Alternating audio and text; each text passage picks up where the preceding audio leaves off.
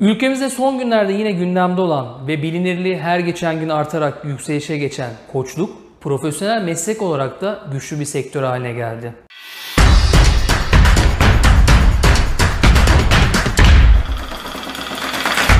Hepimizin bazı dönemlerinde aile, iş ve özel hayatta içinden çıkamadığı durumları olabiliyor. İçinde birden çok uyarıcıya bağlı olarak algısal farklılıklar yaşayabiliyoruz. Yaşam alanımıza ve tarzımıza bağlı olarak stres, üzüntü ve negatif duygular gibi etkenler çözüm yolunda karar almamızı etkileyebiliyor. Hemen hemen hepimizin bu gibi durumlarda bir arkadaş veya yakın gördüğü bir tanıdığı ile sohbet ederek rahatlamaya çalıştığı anları vardır.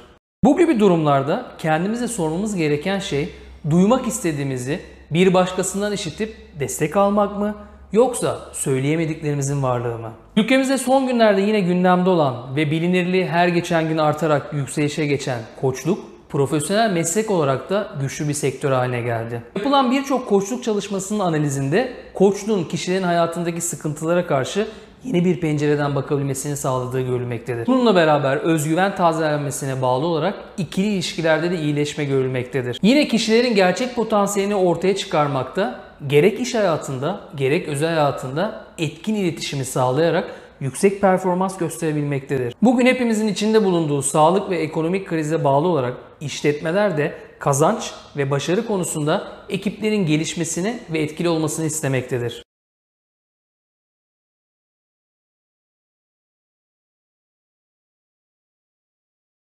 Kişisel ve kurumsal gelişim belirli bir zaman ve motivasyona bağlı olarak sağlanabilir.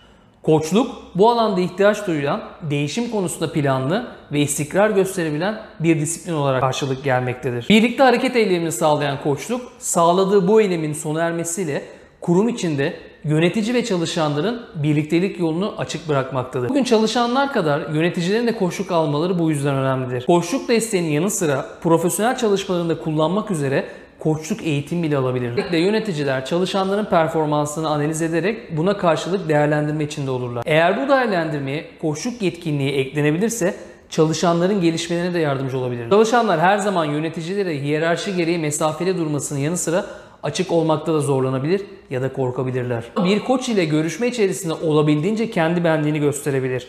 Koçluk ilişkisi güvene dayalı kurulan bir iletişimdir. Dolayısıyla koçluk kişilere daha fazla alan yaratarak karar vermesini sağlıyor. Koç görüşmelerinde karşı tarafı bir bütün olarak görmesiyle birlikte gündelik hayatta olan yönlendirme ve tavsiyeden oldukça uzaktır.